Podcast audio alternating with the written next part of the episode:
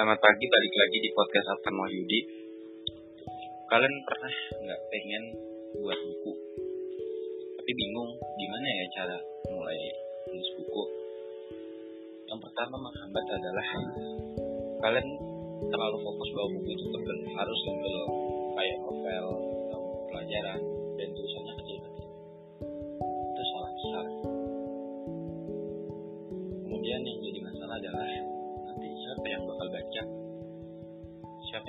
nerbitin ini gimana? Gue cuma bisa ngecek doang.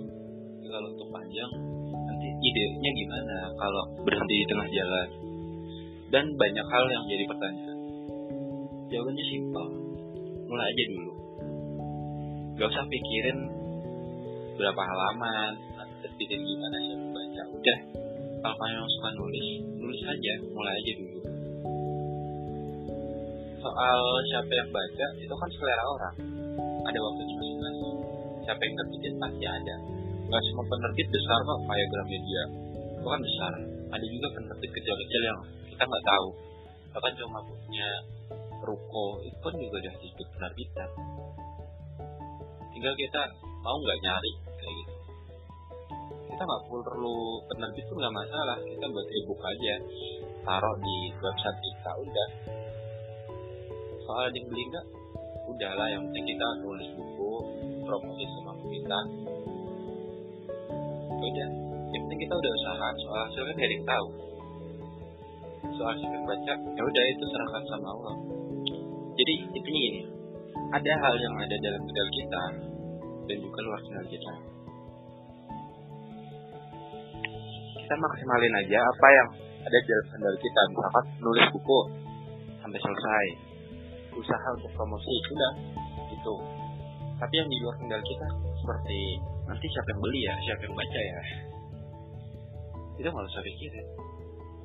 Itu malah bikin stres kalau dipikirin. Terus udah usaha aja sama kita. Allah bisa nggak buat kita kaya? Tapi kita nggak usah bisa aja. Apa sih yang kita tahu. Bisa nggak kasih Allah? Tuh kasih jodoh buat kita depan mata tanpa kita usaha nikah aja kalau nggak pengen. Kayak gitu. Kalau pengen manusia usaha dulu doa dulu.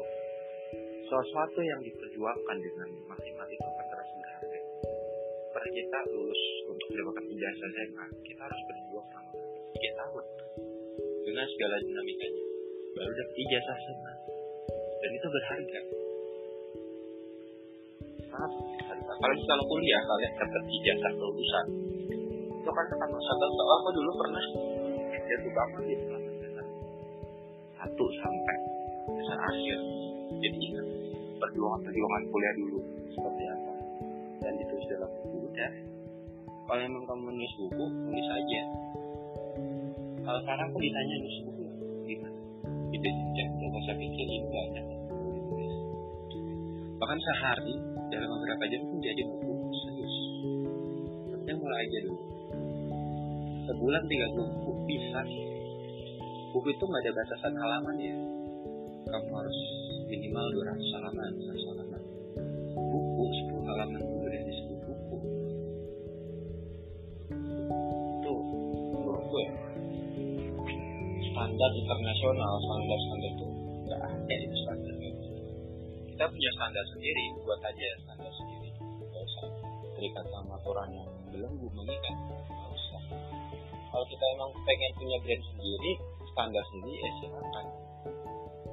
Kalau kita mau buat brand sendiri tapi ngikut sistem orang lain ya itu salah jangan. Nggak pernah maju kalau kayak gitu. Sekarang aku punya brand sendiri sistem sendiri.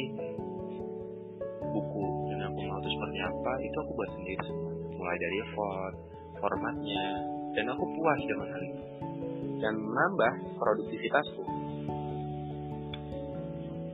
Akhir-akhir ini aku rutin menerbitkan 9 buku dalam satu bulan.